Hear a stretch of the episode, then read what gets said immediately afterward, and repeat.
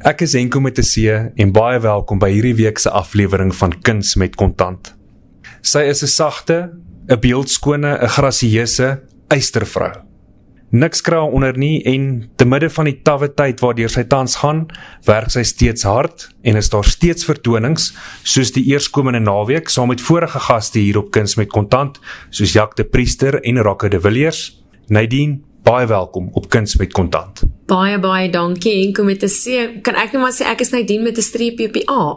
Ja, want ek dink nie mense besef dit nie. My lewe lank het my ma, soos ek groot geword het, vir ander mense vertel, dis Nadine met 'n streepie op die A sodat hulle weer is Nadine. Ja. En uh, dis net maar die een een ding wat mense nie noodwendig altyd reg kry nie en partytjie dalk net makliker is om te los, maar vandag het ek die platform om dit te kan deel.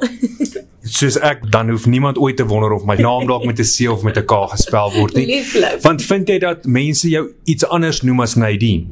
Soms spreek hulle my naam verkeerd uit. Ek dink die feit dat ek nie met 'n van sing nie, ek het maar net van jongs af begin sing net onder my naam. So met die gevolge dan is dit nogal belangrik om daai spelling reg te kry of selfs wanneer jy nou op, op sosiale media werk, dan is dit belangrik dat mense moet weet waar om jou te kry. Dis hoekom al my goedjies is onder nadine.net.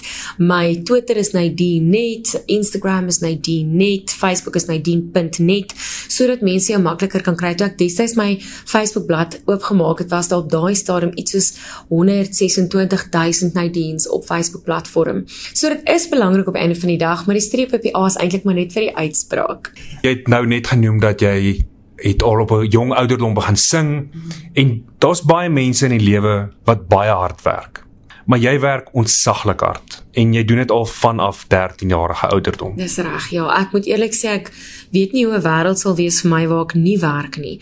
Ek het maar weet groot geword by 'n enkelouer en dit was maar altyd my ma en my ouma in my lewe en 'n sterk vroue. So ek dink dit het vir my 'n voorbeeld geskep om van jongs af weet hard te werk. En ek moet eerlik sê, as ek tyd kon terugdraai, sou ek dit nog steeds so wou gedoen het want ek dink almal van ons leer ander lesse in die lewe. En die lesse wat ek geleer het was vir my vrugbare lesse en goeie lesse en ek is dankbaar dat ek sulke wonderlike voorbeelde van vroue in my lewe gehad het en nog steeds het. Maar ek het van 'n jong ouderdom af gewerk en ek het letterlik op 10 my eerste album begin opneem en ek het altyd gedink ek gaan in 'n akademiese veld in ontwikkel en eendag studeer en toe het ek nou op einde van die dag musiek gekies of binne in musiek beland en dit was suksesvol genoeg van jongs af dat ek die voorreg kon gehad het om te sê okay ons hou aan met musiek. En dit is nog steeds 'n voorreg. Ek dink hoe langer mense sing hoe meer besef jy dat elke persoon weet wat by 'n vertoning is. Is iemand wat hulle aand opoffer. Die kosbaarste kommoditeit vir my is tyd.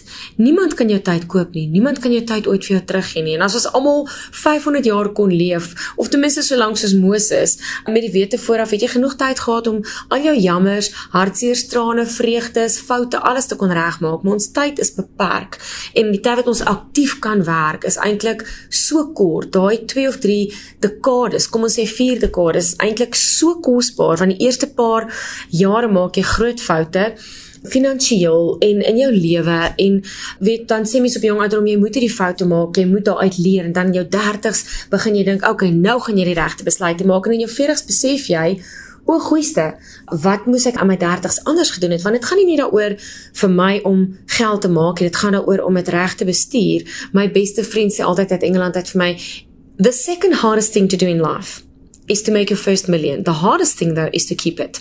So ek glo ook nogal in daai filosofie en ek kan my nie 'n wêreld indink waar ek nie sal werk nie. Ek sal altyd moet besig wees met iets en selfs my maasie vandag nog, sy's nou al in haar ryper jare as vrou en selfs sy sê nog vir my sy sal nooit nou lewe aftree nie. Sy wil net eendag omval en dis dit. Jy weet, so hopelik mag dit dan ook so wees. So jy kan jouself nie indink 'n lewe sonder werk nie, maar yeah voordat ons kom by waar ek jou graag wil vra oor dalk moontlike ja. foute of slaggate waarna jy getrap het, mm. wil ek jou eerste vra as jy alles moes oordoen. Ja. Sou jy steeds 'n loopbaan in musiek gevolg het of sou jy dalk 'n meer finansiëel lonende beroep gevolg het want jy het vroeër verwys daarna dat jy dit dalk oorweeg het om dalk in die akademie op te gaan ja.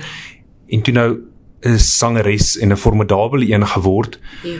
Dank maar sou jy dit weer gekies het? Ek sou musiek weer gekies het. Maar ek sou die ekstra tyd op hande baie beter benut het. Tussendeur my optredes sou ek geswat het. Ek sou fondse wat ek gemaak het van jongs af belet om myself, nie net in my handelsmerk as Nadine maar ook in myself as mens sodat ek myself intellektueel verder sou kon ontwikkel sodat ek vandag 'n graad agter my naam kon gehad het om te kan sê ek het hierdie beroep ook. Ek glo dis nooit te laat nie. Ek sal nog steeds wil verder of wil begin swat in my lewe, maar ek dink ek sou definitief my tyd beter benut het tussendeur al die lang paai. Jy weet ons het nagte deur en dae deur en weke en maande lank gery na konserte toe. En dan is 'n mens moeg, maar dis eintlik net tyd wat jy verspeel. So ek sou meer geslaap het, ek sou meer geleer het en ek sou ook meer geleef het. Nou moet ek vir jou sê, as daar iemand is wat kan sing, dan is dit jy.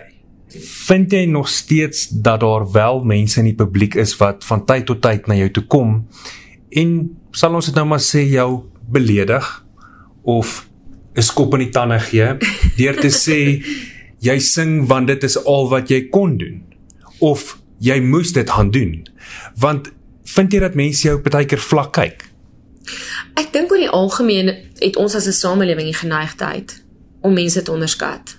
Ons sal partykeer in 'n restaurant gaan sit en 'n kelner bedien jou en hy hoor nie die eerste keer wat jy sê nie en jy raak sommer ongeduldig en dink maar hoekom luister hy nie? Nie ten staan dat die feit dat ons eintlik nie weet wat daar ou vandag deur is dalk het daai kelner die hele dag geswat, die hele dag gewerk of eksamen geskryf en 'n voorskot aangesit en gaga jou bestelling kom neem. So ek dink ons het almal die geneigtheid om partykeer mense om ons te onderskat.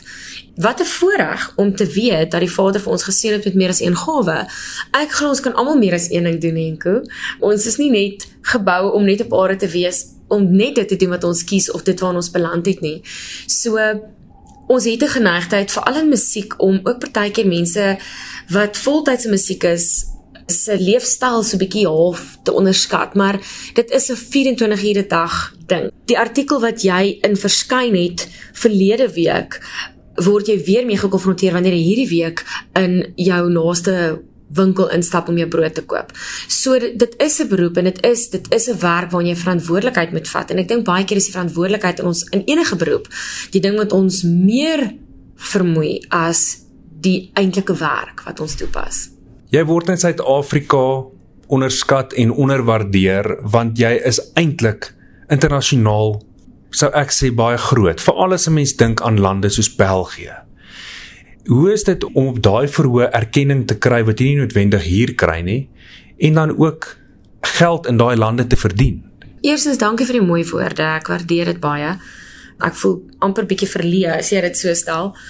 Alles sê met grysheid kom wysheid, weet. Vir my ek kyk nooit na gehoor en dink hierdie is nou Engelssprekende mense of hierdie is nou Vlaamse mense of hierdie is Suid-Afrikaners of Afrikaanse mense nie. 'n Gehoor is 'n gehoor. 'n Luisteraar is 'n luisteraar. En dit is die wonderlike ding van musiek is dat dit regtig universele taal is. Dis regtig universele gevoel wat oorgedra word en wat oorspoel van een luisteraar na 'n volgende luisteraar ook met RSG. Elke luisteraar is anders en sekere luisteraars sal van sekere liedjies hou en ander nie. So ek vat maar die skop in die tande saam met die mooi woorde en die komplimente. As jy die goed wat na jou kant toe kom, amper kom ons sê die heuning om die mond, waardeer vir wat dit is, maar ook van wie dit kom. Weet en jouself soms die komplimente wat jy kry met 'n knippie sout op te neem. Want jy ken jou menslikheid en jou eie foute en jou eie tekortkominge. Jy weet as jy op 'n aand opgetree het en jy jy het jou beste gegee, maar jy was die vorige aand beter. Jy weet as jy eintlik 'n atleet is wat nie vandag jou Olimpiese rekord oortref het nie. As jy dan dit wat goed is neem met 'n knippie sout, maar met veel waardering, dan gaan jy ook die harde tye en die kritiek opneem met 'n knippie sout, want jy gaan ook dan besef van wie af dit kom.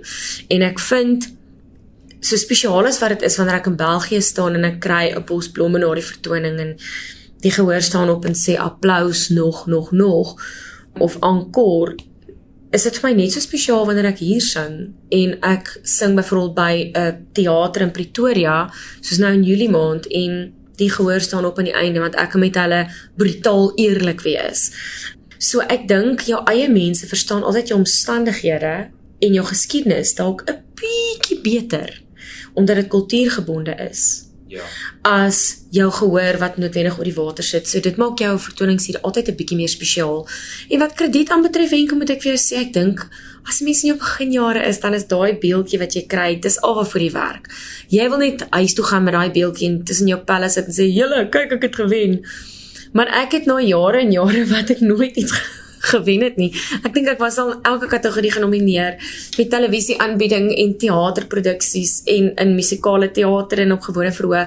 Maar op die einde van die dag besef jy as jy elke toekenning waarvoor jy genomineer is, nie wen nie elke keer dat daai toespraak wat jy voorberei eintlik maar net 'n stuk papier is met woorde. Jy kan dit nie spaar vir 'n volgende toekenningsaand nie, want by elkeen is jy ryper en slimmer en wyser en 'n beter jy. So vir my is is daai nie as sulks wat saak maak nie. Wat belangrik is, is my gehoor wat opstaan aan die einde van die aand en sê wel gedaan ons het gehou van hierdie liedjie of weet jy hierdie sang van jou beteken vir my iets of my ouma of my ma of my kind of wat ook al. Dit is my beloning wat ek kry. Mense sing nie vir geld nie maar ek moet ook sê partykeer as jy 'n griep het en jou keel is baie seer is dit 'n bietjie aanmoediging as jy 3 ure moet ry. Om te weet ten minste kan jy hierdie maand ook maar weet jou huisie betaal daarmee. Maar wanneer dit kom by jou passie vir musiek niemand kies musiek as 'n loopbaan vir geld nie. Jy kies musiek as 'n loopbaan omdat dit regtig vir jou 'n passievolle ding is en iets wat met jou hart praat Ja, want ek dink ook iets wat mense geneig is om te vergeet is dat jy al daai ure byvoorbeeld op pad spandeer mm. en daar's niks lekker daaraan om vir 12 ure deur die nag in 'n bussie op die mm. lang pad te wees op pad na 'n dorp toe waar jy môre aan 'n vertoning het nie. Jy kies nie dit nie en is nie lekker nie. Ja. Maar mense is geneig om te vergeet hulle sien net die mooi kant en die lekker kant van die vertonings en op die verhoog staan en jou hart uitsing. Mens moet ook versigtig wees dat dit nie 'n worsmasjien word nie, weet. Vroeger jare het ek gevind dit was 'n trots geweest om te sê, hoor julle, ons het hierdie naweek vier konserte. En wat 'n voorreg. Maar baie van my konserte toe ek jonk was, het ek eintlik maar verniet gedoen. Ek het baie keer verniet gesing en doen ek 'n winkelpromosie by OK Bazaar dan sing ek in die OK. Kom ons sê 8uur of 9uur die oggend op 'n Saterdagoggend op maandeinde want die platenmaatskappy met CD's verkoop, so dan sing ek daar. En dit was byvoorbeeld 9uur tot 10uur en dan half 11 moet ek wees by die Pick n Pay uh halfuur se ry weg en dan sing ek vir die Pick n Pay. So daai was harde jare. Ek voel vandag is daar iets goeds is in my loopbaan wat gebeur of as ek soos nou Desember in België gaan sing en dis dis 'n lonende vertoning. Dis 'n vrugbare toertjie. Eintlik nie 'n toer nie, dit is 5 vertonings in 'n ry. Maar dan voel ek dit is vir my 'n belonende tipe van konsep want eersins is dit 'n baie hoe sê hulle glamorous weet dit is dis 'n glansende geleentheid dit is skitterend dit is mooi dit is 'n pragtige verhoog elke keer en dit is dis lieflik om op so verhoog te kan sing dis nie dieselfde as om in 'n OK te staan nie ja. punt dit is maar net so maar dan dink ek terug aan al daai jare weet wat jy gestaan het sing dit in 'n winkelsentrum en dit was letterlik net om series te verkoop. As jy 10 verkoop het tot 15, dan was dit vir ons 'n suksesvolle oggend gewees. Ek 23 verkoop het, dan het ons gedink fantasties. En die bestes was vir ons 32, 35, 46 verkoop. So ons het letterlik elke serie getel. Weet dan hardloop my ma met die serie na die til toe want hulle het geweier om buite die winkel die series te verkoop. Hardloop sy til toe met die oom se geld, die tannie se R50. Daardie was 'n serie op 'n stadium R45, op 'n stadium R49.99 want dit verkoop ons nou beter in retail as R50. Dan gaan vat sy die geld, dan kry sy die strokie, dan koop sy die CD. Dan moet ons verantwoordelikheid vat vir hoeveel CD's buite die winkel is en dan moet ons nou weer teruggaan.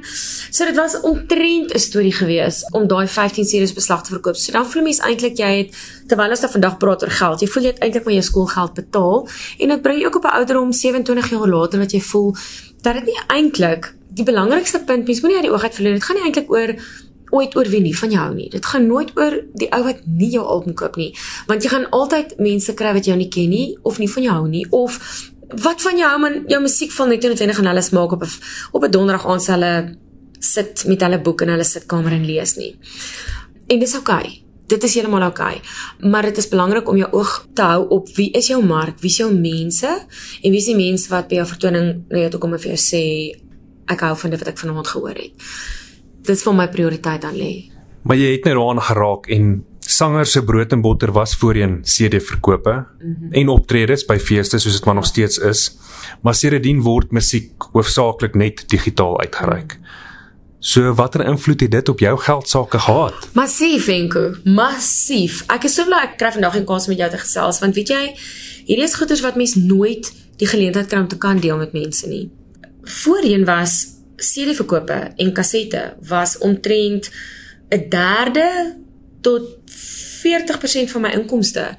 Met die gevolg was 'n sanger sou baie keer gaan optree by 'n organisasie teen 'n goedkoper fooi of by 'n fees teen 'n goedkoper fooi en dan het ons altyd gesê ag dis sou kan sommer vandag vir bietjie minder Hoopelik is daar baie mense wat kan ons daarom lekker series verkoop. My bestuurder destyds het gesê dit is belangrik om ten minste 10% van jou gehoor te verkoop. Maar dit is onmoontlik 'n fees. Maar wanneer jy sit met 200 mense wat jou uitgeleese gehoor is of spesifiek daar is vir jou, dan is dit belangrik om ten minste 20 series te verkoop. As jy dan 10 verkoop was dit 'n swak aand en as jy 40 verkoop was dit 'n wonderlike aand. En daarvolgens kon jy eintlik bepaal hoe suksesvol jou vertoning was. Kyk, toe ek begin sing het in 96 Mei, die 31ste is my eerste album uit. Was dit krappies en kreefies? Dis korrek, ja. Ek het die die plate mark gemis met ek dink 'n jaar. As dit 'n jaar vroeër was ek 'n plaat gehad. so. Kan jy dit glo, Nadine? Baie lank gelede. Gister toe sê Kan jy dink jy het 'n plaat gehad? Gister toe sê 'n jong seun vir my, "Dankie Tannie," toe dink ek is okay. Jy kan maar, ek het amper 'n plaat gehad. maar die ding is, jy weet, die plate uitgefaseer, daar was nog ses kassette. En ons het letterlik 'n CD verkoop by 'n vertoning vir R50 en 'n kaset vir R25. En dan moet ons die toerbus in die karre so pak dat die kasette nie naby die deur is waar die hit is of naby venster is nie. So in daai opsig kyk 'n mens nou terug en jy besef dat CD's vir ons, vir my was ten minste 30 tot 40% van my inkomste die dag toe CD's wegval. En dit het oornag gebeur dit het binne 'n kwessie van 'n jaar gebeur. Ons het nog gedink, "Jog, maar as ek weer terugkom na die dorp toe gaan ek nog my laaste series bring." Ah ah, dit het nie gebeur nie. Weet so, toe jy nog series gehad het in jou garage by die huis, as jou parkeerarea volgepak was met series, dan het jy skielik 'n bekommernis gehad want jy moes nou hier goed verkoop. Gelukkig het ek nooit voorraad opgebou en ek het nooit genoeg geld gemaak regtig om 2000 of 3000 series te kon opbou nie, maar dit was 'n groot verlies in inkomste gewees en om musiek te stroom en af te laai is nie vir sangers werklik 'n finansiële voordeel hoegenaamd dat jy kan voel dit is vir jou so die moeite werd dat jy voltyds wil skryf of voltyds net op daai platform wil wees nie. En nou plaasmaatskappye vir my baie kwaad is om dit te hoor. Hulle is absoluut voorgangers van om mense aan te moedig om te stroom en af te laai. En plaasmaatskappye het of my gesê om series te verkoop as mense vir jou vra sê net jammer ek het nie, maar ek gaan dit nooit doen nie. Ek moet start werk vir daai man of daai vrou van ook al se dae af. Ek moes start werk vir iemand om by my tafel te kom staan of na vertoning te kom sê hallo, mag ek asseblief R100 eintlik vir jou gee sodat ek iets van jou kan huis toe neem ek moes start werk daarvoor om ooit te sê nee, ek gaan dit nie doen nie. So dit sal nie goed wees vir my besigheid nie. En tweedens my hart sê nog steeds as iemand op 'n sekere platform graag sy musiek wil luister, dan is dit jou verantwoordelikheid indien jy die vermoë het om dit vir daardie persoon te kan gee om te kan sê, "Right, hier is die serie vat hom huis toe." Gelukkig is ons klaar met die kassette. Dankie tog. Ja, gelukkig daarvoor. Dis hulle gesê die types. Gelukkig daarvoor. Maar kom ek vra jou dan op daai noot, wat verg dit deesdae om 'n bestaan uit musiek te maak? Jy moet na jou handelsmerk kyk as 'n besigheid. Daar's geen manier wat jy jou besigheid as 'n sanger kan bemark. Kom ons sê jou musiekbesigheid as kunstenaar, jou naam. Kom ons sê nou Nadine as voorbeeld. Daar's geen manier wat ek Nadine kan run, kom ons sê as 'n besigheid kan bedryf sonder dat ek daarna kyk as 'n besigheid nie. Dit beteken ek moet my bemarking insit. Dit beteken ek moet my beplanning vooruit doen. Dit beteken ek moet konstant 'n vars nuwe blaadjie omblaai sodat mense kan sê o, waar mense nou besig om te stagneer nou net omdat jou ondersteuners van altyd jou gevolg het en nog jy hoop hulle is nog steeds daar gaan nie werk nie want mense is baie slimmer as wat mense soms besef. Partykeer dink jy joh hierdie lyk nou nie soos iemand wat noodwendig musiek gaan aflaai of gaan stroom nie en dan sit hierdie tannie met 'n hele Apple of Spotify playlist op haar foon dan dink ek wow tannie kan jy my ook net gou-gou 'n bietjie met hierdie of hierdie tawys maak ek sukkel op hierdie vlak of op hierdie. So dis belangrik om na jou besigheid te kyk as dit en om sekere investerings te maak met die wete dat jy nie noodwendig onmiddellike finansiële terugbetaling gaan kry nie. Dit is nou maar net die bemarking wat jy doen. Of jy nou wat se winkel jy ook al mag wees, Woolies, Wimpy, Pick n Pay, wie ook al mag wees, jy moet konstant TV advertensies nog steeds op televisie sit. Iemand het eendag byvoorbeeld vir my gesê dis dis die heilige waarheid, weet Coca-Cola was bestaan met nommer 1 handelsmerk in die wêreld, maar hulle moes nog steeds TV advertensie doen. En dit is waarop dit neerkom. Jy moet adverteer om voor te kom en dan moet jy adverteer om voor te bly. Dis hoe ek dit sien uit my perspektief. En die ander ding is jy moet 'n tweede besigheid hê. Jy kan nie 100% staat maak op die inkomste wat jy genereer net uit jou musiek nie. Soos wat dit eintlik, soos hulle sal sê, pret en plesier is of 'n luxury in die Engelse term vir 'n luisteraar nie gehoor moet jy dit eintlik as kunstenaar of as sanger of as skrywer ook sien as 'n bietjie van 'n luxury om te kan geld verdien uit dit wat jou passie is want die dae wat jy net en volle finansiële op dit kon staat maak bestaan nie meer nie. Dit is ongelukkig verby. So jy moet 'n tweede besigheid hê waarin jy investeer. By my is dit Nelly Valleys. Dit is my leerprodukte waarmee ek begin het. Dit het begin as Valleys en 'n bynaam vir my onder my vriende is Nellies. Het het eintlik begin met 'n baie privaat persoonlike gesprek in my huis met Karel. My een vriendin sê toe, "Man, noem dit sommer Nelly Valleys." Nou, hulle het nog steeds vandag gedispute oor wie eers met die naam voor in dag gekom het. Nietemin, ek het dit geregistreer en Nelly Valleys is vandag my besigheid wat ontwikkel het van net Valleys na reissakke, leerprodukte en so meer. So ek maak eersdaags 'n winkel oop oor 'n maand van nou af in die ooste van Pretoria. En daarmee sê ek ook baie mooi kyk en ko want as jy 'n winkel oopmaak en jy het jou uitgawes van jou maandelikse huur en jou lone wat jy betaal, jou salarisse vir jou werkers, werknemers en dan natuurlik jou bemarking en jy moet jou addisionele geld insit om nog voorraad op te bou. Dan moet jy gaan kyk as dit regtig moet werd as jy 'n sekere bedragie maak profit uit jou handsak of uit jou reissak want weer eens ons vergeet as sangers dat selfs elke kilometer wat ek ry om daai sak te laat maak om te gaan haal om betrokke te wees by die kies van die kleur die ons het nou pragtige nuwe materiale vir die somer wat uitkom in kombinasie leerhandsakke met materiaal maar dit verg tyd en dit verg petrol weet om tot daar te ry om te sê goed ek hou van hierdie ek hou van hierdie ek hou van hierdie daai vir hierdie seisoen gaan nie werk nie. So jy moet absoluut daarna kyk jou tweede besigheid as 'n ekstra kruk en tog kan jy nie daarop leef nie. Tog moet jy dit amper sien as 'n besigheid wat jy bou vir jou toekoms. So as ek en die luisteraars en ek vir my vrou nou nie in die ooste van Pretoria kan uitkom mm -hmm. by hierdie winkel nie. Ja. Hoe kry ons ons hande op jou produkte? Jy kan of na gewone enige konserte kom waak sing en met my kom gesels. Ons het altyd van die voorbeelde by ons. Ek is 'n tipe persoon ons kan nie almal in dieselfde kamp skeer nie, maar ek 'n tipe mens wat daarvan hou om iets te sien, te voel, te ruik, op te tel. Ek wil voel hoe swaar is die sak, ek wil sien hoe sterk is die pakkels, ek wil hom bietjie hard hanteer en kyk hou hy? Gaan is dit 'n langtermyn sak hierdie of gaan hy net hou vir een vakansie? Ek sal altyd voorbeelde saam met my vat wanneer ek optree en mense kan dalk kom kyk hoe dit lyk of ek het 'n Facebook bladsy, Nelly Fellies Facebook bladsy en Instagram bladsy waar mense na die produk kan kyk of hulle kan ons net kontak. Ek is tans besig om 'n aanlyn winkel ook te ontwikkel. So al daai platforms is beskikbaar, maar die belangrikste een op hierdie stadium sou ek sê is die Facebook bladsy. En gaan net dalk van hierdie produkte saamneem na hierdie eerskomende naweek se vertoning ja, toe. Ja, ek verkoop nie fluweel nie, ek verkoop fluweel konsert. maar asseblief kom kyk dan op die fluweel konsert. Ek het reeds gister iemand gehad wat ons laat weet het hulle wil graag 'n uh, groot reissak koop, maar hulle weet nie watter kleur nie. Hulle kan nie besluit ek kan hulle kom kyk by fluweel te sê ek moenie bekommer nie. Ek bring voorbeelde van elkeen saam en daarin kan ek darm sê dat ek ongelooflik geseënd is om iemand te hê soos Karin wat saam met my werk al vir 27 jaar, weet dit is een ding om op die verhoog te stap en jy trek jou rok aan, jy doen jou hare en jou grimering en jy ken jou liedjies en jy's voorberei, maar dit is 'n heel ander storie om seker te maak dat die persoon wat daar opstap se goed alles in plek is, van die musiek tot die voorbereidings tot alles in die aantrekkamer wat jy nodig het tot agterna by die tafel met die verkoopsware en om dan seker te maak dat alles glad verloop. So dis vir ons belangrik om ook 'n stelsel te hê waarop ons kan staat maak ons het nou hierdie lieflike iSwitch masjienkies waarmee mense dan nou betaal. Weet so dit is vir ons 'n makliker stelsel om deur te werk as 'n ander transaksie masjien byvoorbeeld. En op daai manier maak ons seker dat dinge maklik verloop. Want as jy mooi kyk hoeveel keer 'n dag jy jou kaart eintlik uit jou beursie haal. Ek is al moeg en kon ek kan nie glo 'n vrou dat ek dit sê nie. Ek is al moeg om te betaal. Want as jy jou kar klim en koop jy vir jou, jy sit gou-gou petrol in jou kar en dan ry jy winkel toe en jy koop net gou-gou 'n chippie en 'n water vir die pad.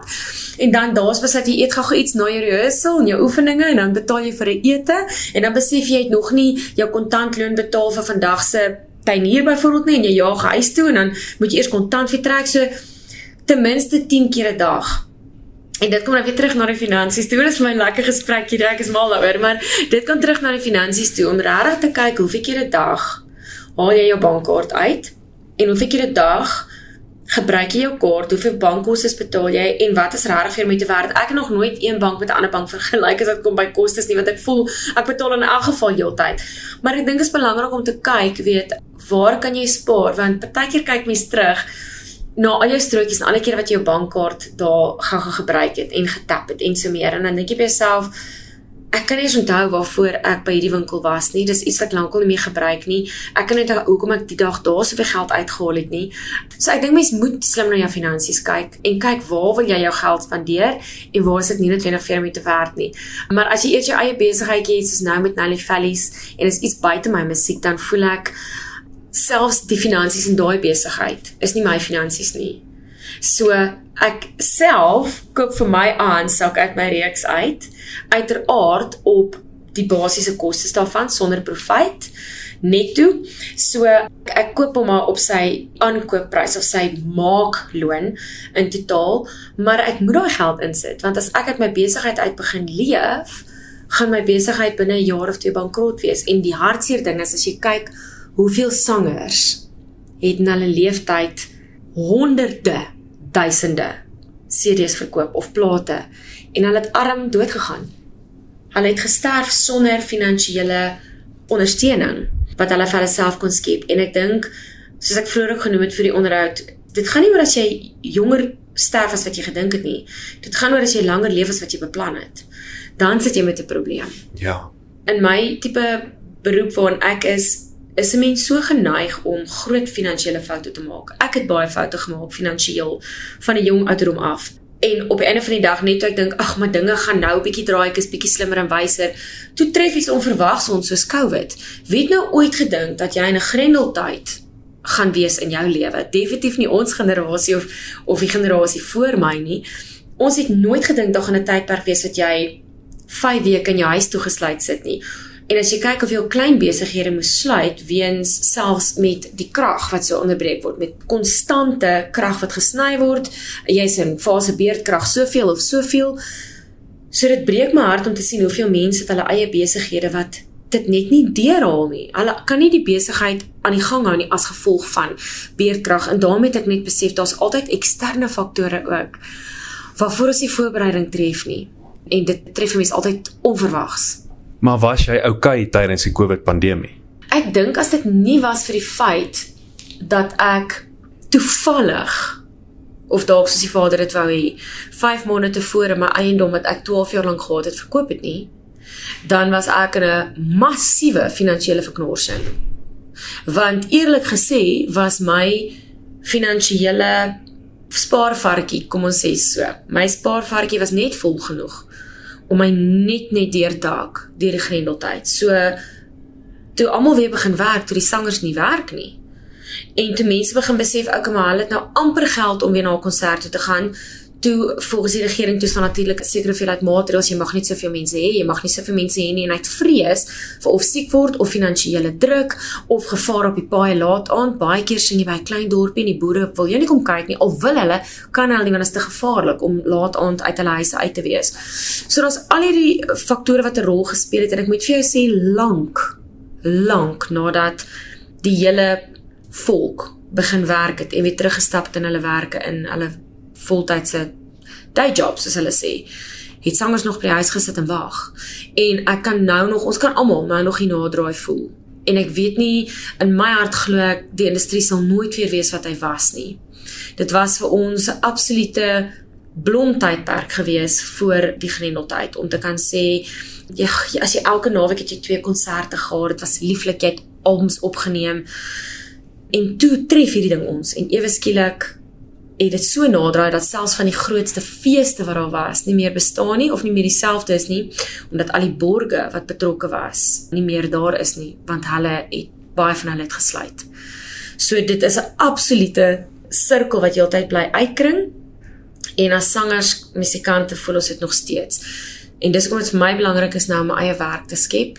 Ek het nog nooit staat gemaak net op feeste om my te bespreek nie En dit is ook my belangrik om te weet daar is mense wat partykeer net 'n intieme vertoning wil sien. Waar jy net 100 mense of 200 mense is, dis kleiner en jy kan regtig bietjie meer deel as by 'n oop fees waar nie almal noodwendig daar is vir jou nie. As daar iemand is by wie jong sangers en musikante kan kom leer en advies voor kan vra, is dit by jou want Krappies en Kreefies was in 1996, dis 27 jaar gelede. Baie lank gelede. Jy was toe 13 jaar oud, maar uiteindelik al gesing van 10 jaar oud af, so jy is 'n volle 30 jaar staan jy al in hierdie bedryf. Ja, maar ek sê vir myself elke oggend in die spieël, ek sing nog net 12 jaar. So kan ek dit net daar.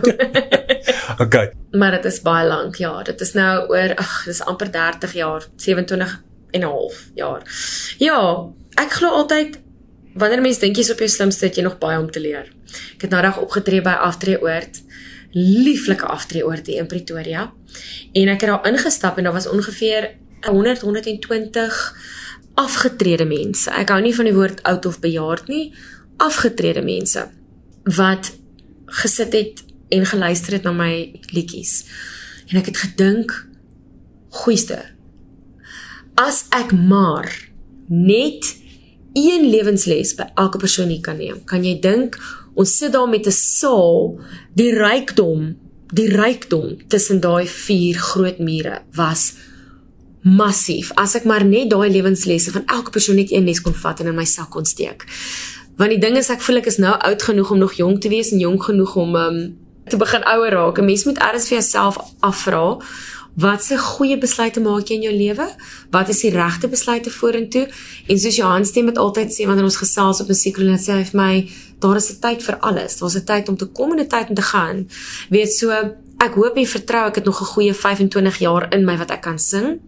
Maar selfs die beste sangers in die wêreld bereik eendag 'n punt wat hulle sê This is my last curtain call. En dan moet jy weet dat jy die regte besluite geneem het op pad soontoe. Dat terwyl jy jou beroep gedoen het uit liefde vir mense en 'n passie vir musiek en om te kan skep dat jy ook die regte besluite geneem het finansiëel dat wanneer jy die dag jou laaste konsert doen dat dit is omdat jy weet dis die regte tyd en nie omdat jy al 20 jaar te lank aanhou en nie meer die beste jy kan wees nie omdat jy nie voorsorg getref het finansiëel nie Dis baie kragtig en baie treffend. Ek praat 'n bietjie baie maar gesels lekker met jou. vir my een van jou gunsteling liedjies is Kaapse Draai. Dankie. Nou daar is is 'n reeltjie wat sê maak jou oë toe.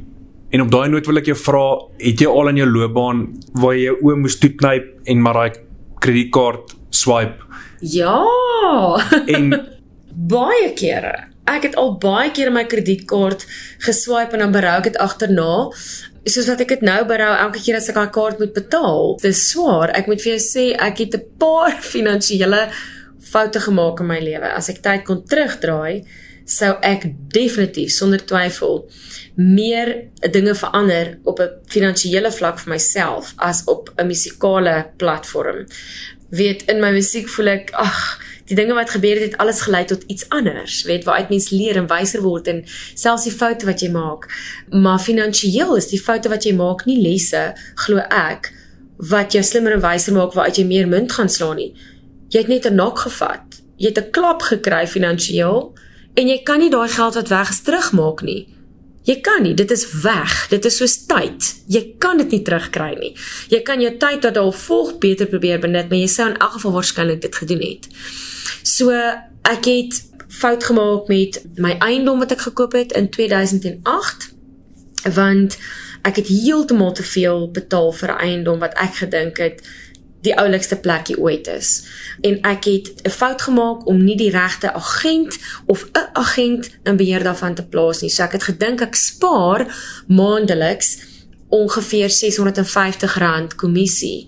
Maar op 'n einde van die dag is finansiële klap wat ek gekry daardeur baie groter want toe die huurder ophou betaal, was ek verantwoordelik om in te staan by die bank vir daai lening maandeliks. So dit was 'n groot fout wat ek gemaak het om nie markverwant te wees met my eiendom nie omdat ek gedink het ek het emosioneel gekoop en ek het gedink die plekkie is mooi, dis klein en oulik. Ja, en toe maak dit 'n groot gat in die sak. Maar 'n uh, ou glo so plek is vir jou bedoel. Oe, en jy glo jy verdien daai plek want dit is vir jou gebou. In jou kop voel jy jy hoor stemme wat sê ja, doen dit. So dit was een fout geweest wat ek gemaak het onder andere. Ek het op baie jong ouderdom 'n goeie besluit geneem deur my bestuurder destyds om 'n toerbus te koop. So op daai stadium was daar nie eintlik sangers regtig wat toerbusse gehad het nie. Daar was 'n toerbus miskien wat 20 mense kon vat of so, maar daar was daar was nie 'n praktiese manier nie. En ek het toe na 'n groot voertuigmaatskappy toe gegaan en ek het 'n splinte nuwe toerbus gekoop. 'n pragtige Sprinter 412 diesel. Hmm. en ehm um, ek het baie hard gewerk sodat ek daai voertuig kon afbetaal binne 'n jaar en 'n half. En ek was 15 jaar oud. So dis wat ek bedoel met die goeie besluite wat 'n mens neem. Maar toe ek 'n paar jaar later toe ek nog sessie toerbus gehad het, het ek vir my 'n privaat voertuig gekoop waar ek die eerste keer gekoop het vir die regte grootte 'n belegging dis 'n tipe maak is 'n Duitse maak wat ek geweet het lank sal hou. Ek sal hom lank kan ry en hy sal my goeie waarde gee en op die pad sal ek onmiddellik 'n diens kan kry as hy sou breek. Wonderlike besluit gewees. Groot fout daarna is ek het toe weer vir my 'n Duitse voertuig gekoop, 'n kar, 'n blink enetjie en met hom het ek daarmee vir jou lekker rondgery, hoor. Onder nie 'n bus was nie, 'n voertuig was hy binne 100 000 km uit sy motorplan uit. Met die gevolg is toe ek daai motorplan moes verleng, betaal ek 'n rand 'n kilometer. Vir iemand wat baie ry, is 20000 km plan 20000 rand uit jou sak. As jy dit begin verdeel, kom ons sê tussen 5 maande, dan praat jy van 4000 rand 'n maand wat jy eintlik tegnies op jou paaiement laai. So nou betaal jy nie meer net 6 of 6500 vir jou voertuig plus jou maandelikse versekerings van 1.5 of 1.6 nie. Jy betaal nou nog 4 of 4500 rand ekstra omdat jy baie kilometers ry. So ek het die dom fout gemaak om nie te kyk na wat se voertuig binne die kilometers wat ek ry die regte besluit sal wees nie. Ek het gekyk na wat is mooi, wat is blink, wat is oulik en waarmee gaan ek nou lekker op hierdie pad sit as ek gaan inkopies doen. So daai was 'n groot fout geweest want ek het daai voertuig ingeruil op 'n volgende voertuig daar was 'n balloon payment in plek en ek het daai voertuig ingeruil op die volgende voertuig en al drie daai was 'n demo model so ek het gedink ek maak regte besluit daarmee wat weer eens 'n goeie idee was. Hy was nie splinter nie uit die boks uit nie, maar die probleem was dat ek elke keer geld bly laai en bly laai en as ek dit nie mis het nie, het daai weet intussen tyd verander. Dit mag nie meer so gebeur nie, maar ek moes op die einde van die dag 'n persoonlike lening gaan uitneem sodat ek vir 5 jaar lank kon betaal aan 'n persoonlike lening wat natuurlik 'n baie hoë rentekoers is wat jy terugbetaal op 'n persoonlike lening sodat ek my voertuig kon aflos sodat ek hom net kon verkoop. So ek het nog 5 jaar lank nie daai wiele meer gehad en ek moes 'n ander voertuigfinansiering voorgaan soek terwyl ek op hierdie persoonlike lening daai voertuig afbetaal. So dit is harde foute wat 'n mens maak, harde lesse wat jy leer en dan natuurlik jou dag tot dag uitgawes wat baie hoog is. Ons as vrouens en nie net vrouens nie, ons het 'n geneigtheid om jy moet vir ons nooit loslaat in 'n winkelsentrum nie. Want dit is soos wanneer jy na 'n oulike winkel toe gaan, gaan gou net net vir brood. Dan kom jy huis toe met 3 trollies en jy die brood vergeet want alles is mooi, alles lyk lekker en dit is te danke aan die wonderlike bemarking wat al die kosfirmas doen, al die fabrieke en hulle bemarkingspanne maak ons vir jou vla en nagereg dat dit vir jou ekstra mooi lyk. Jy sommer nou lus vir hom in daai winkel. En die lank en die kort is, dan kom jy daar vooraan by die til, by die betaalpunt en hulle sê vir jou, "Good day, ma'am." This is how much you have to pay en jy swipe gou daai kaartjie en gelukkig het ek nooit die fout gemaak om vir sekere kettingwinkels 'n kaart te kry waarop ek by hulle winkel spesifiek net koop nie. Maar wat gebeur het is ek het 'n paar keer 'n kredietkaart gehad en ook 'n rekening waarin ek my dag tot dag uitgawes te hoog gehad het. Met die gevolg is ek het gesit met 'n verskriklike hoë selfoonrekening. En op daai plek in my lewe sou ek graag wou gehad het dat ek 'n finansiële adviseur moes hê wat vir my kon sê, "Wow, wow. Hierdie 15000 rand 'n maand wat jy blaas op 'n selfoonrekening is nie geld wat jy investeer omdat jy praat met jou bestuurder oor see of omdat jy praat mense oor see nie. Dis geld wat jy weggooi want daai geld word glad nie direk gekoppel aan jou inkomste wat jy daar kan genereer daai kant nie. Wat ek toe ook nooit het nie. So dit is die dom foute. Eerstens die verkeerde beleggings met jou eiendom. Tweedens om te dink voertuie is 'n belegging. Dit mens moet duidelik weet daaroor, veral as jy jonk is, wat is nie 'n belegging nie. En dan derdens om te kyk waar jou dag tot dag uitgawes eintlik net belaglik is. Jou maand tot maand uitgawes, die goeder wat jy nie regtig besef nie. Daai ekstra rokkies wat jy koop, daai ekstra duur parfuumpie, want jy moet hom nou hê. Jy weet, want hy's op 'n afslag. So net om die onderskeid te kan tref, dis maar die foute wat ek vir myself sou wou uitlig as ek tyd kon terugdraai. Maar in verweer moet ek tog ook sê jy was al 'n superster oor see in 'n tyd toe data baie duur was. Daar was nog nie wifi nie. So jy kom baie maklik met jou oorsee se oproepe toe jy oorsee getoer het Ja. en huis toe wou bel. Baie Baie, maklik. vinnige R20000 selfoonrekening ja, opbou. Ja, want jy het nog betaal. Ek dink baie mense sal dit onthou. In die goeie ou tyd, soos hulle sal sê, toe dit nog 'n uitsondering op die reël was as jy iemand oorsee geken het eintlik, né? Ja. Um, As jou kinders oorsee getrek het, dit was nog 'n groot ding geweest. Deesdae immigreer so baie mense dat dit weet dis eintlik maar onmoontlik om nie sommer van jou huis af te bel nie. Dis hoekom ek sê party mense verras my so.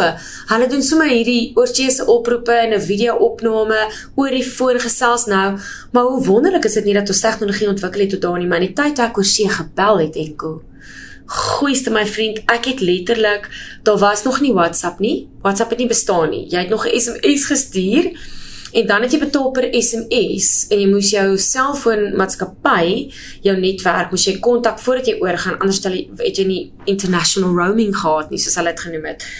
So destyds het ek oorgegaan en dan het ek maar ge-SMS teen koste of gebel teen R3 of R4 'n minuut.